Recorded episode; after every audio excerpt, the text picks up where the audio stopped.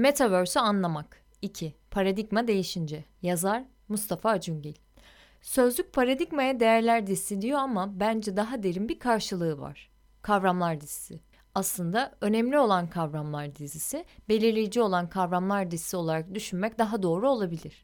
Bir önceki yazıda kültürel evrimden bahsetmiştim. Teknolojik gelişimler o yazıda belirttiğim aşamadan geçerek biriktikçe öyle bir noktaya gelirler ki paradigma kayar. Önemli olan kavramlar yeniden yaratılır. Yenileri devreye girer, yok olanlar olur, pek çoğu da büyük dönüşüm geçirir.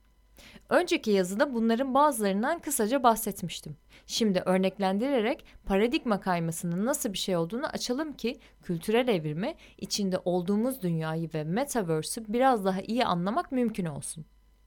Ateş bulunmadan önceki insan, ateş bulunduktan sonra biyolojik olarak da esaslı evrim geçirmişti muhtemelen. O döneme ilişkin bir şeyler öne sürmek büyük ölçüde varsayım olacağından detaya girmeyeceğim. Tarım ve hayvancılığı keşfetmemiş avcı toplayıcı insanla tarım ve hayvancılığı keşfetmiş, üstelik buna uygun ortam da bulmuş, devrimi gerçekleştirmiş ve bunu sindirmiş insanın arasındaki farkları düşünün. Bu iki insan kültürel olarak aynı varlık değildir. Kültürel olarak ayrı bir tür haline gelmiştir. Ama biyolojik olarak neredeyse tamamen aynıdır. Yani paradigma kayması belirli bir zeminde her şeyi değiştirir ama daha derin bir bağlamda birçok şey aynı kalır. Birisi daha küçük gruplar halinde yaşar. Toplumunda hiyerarşi hayli kısıtlı ve değişkendir. Sabit bir yerleşkesi yoktur. Çok çeşitli beslenir, gıda bulmak için uzun yürüyüşler yapması gündelik rutinlerindendir. Diğeri çok daha büyük gruplar halinde ve sabit bir yerleşkede yaşar. Daha belirgin ve değişmesi daha zorlaşmış bir hiyerarşi içindedir. Beslenmesinde çeşitlilik hayli kısıtlıdır. Yerine göre daha yoğun çalışsa bile uzun mesafeler yürüme gerekliliği neredeyse yoktur. Bu iki insan epeyce farklı gibi görünüyor. Üstelik bunlar yüzeysel gibi görünen ama iki insanın sahip olduğu toplumsal organizasyonu ve başka pek çok şeyi derinden etkileyen farklar. Ama iki insan da duygu durumları bakımından mesela neredeyse aynıdır. Benzer şeylere kızar, benzer şeylerden tatmin olurlar.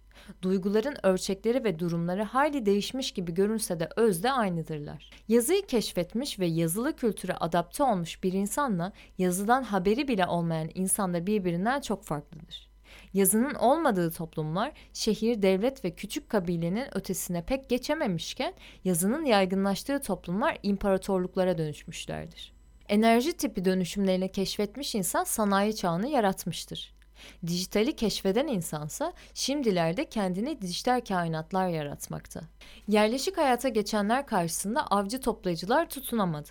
Yazıyı keşfedenler karşısında keşfetmeyenler tutunamadı.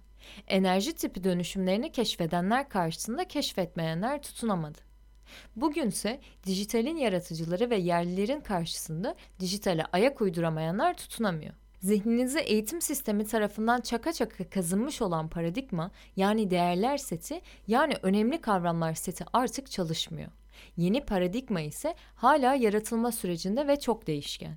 Yeni paradigmayı yaratanlar arasında olmazsanız yeni paradigmanın yok ettikleri arasında olursunuz. Bu bir varlık yokluk, ölüm kalım meselesi.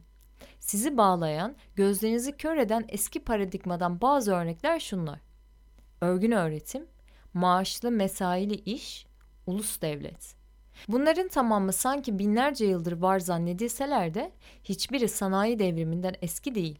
Her biri sanayi toplumunun insanlık dışı kitlesel mekanizmalarının araçları.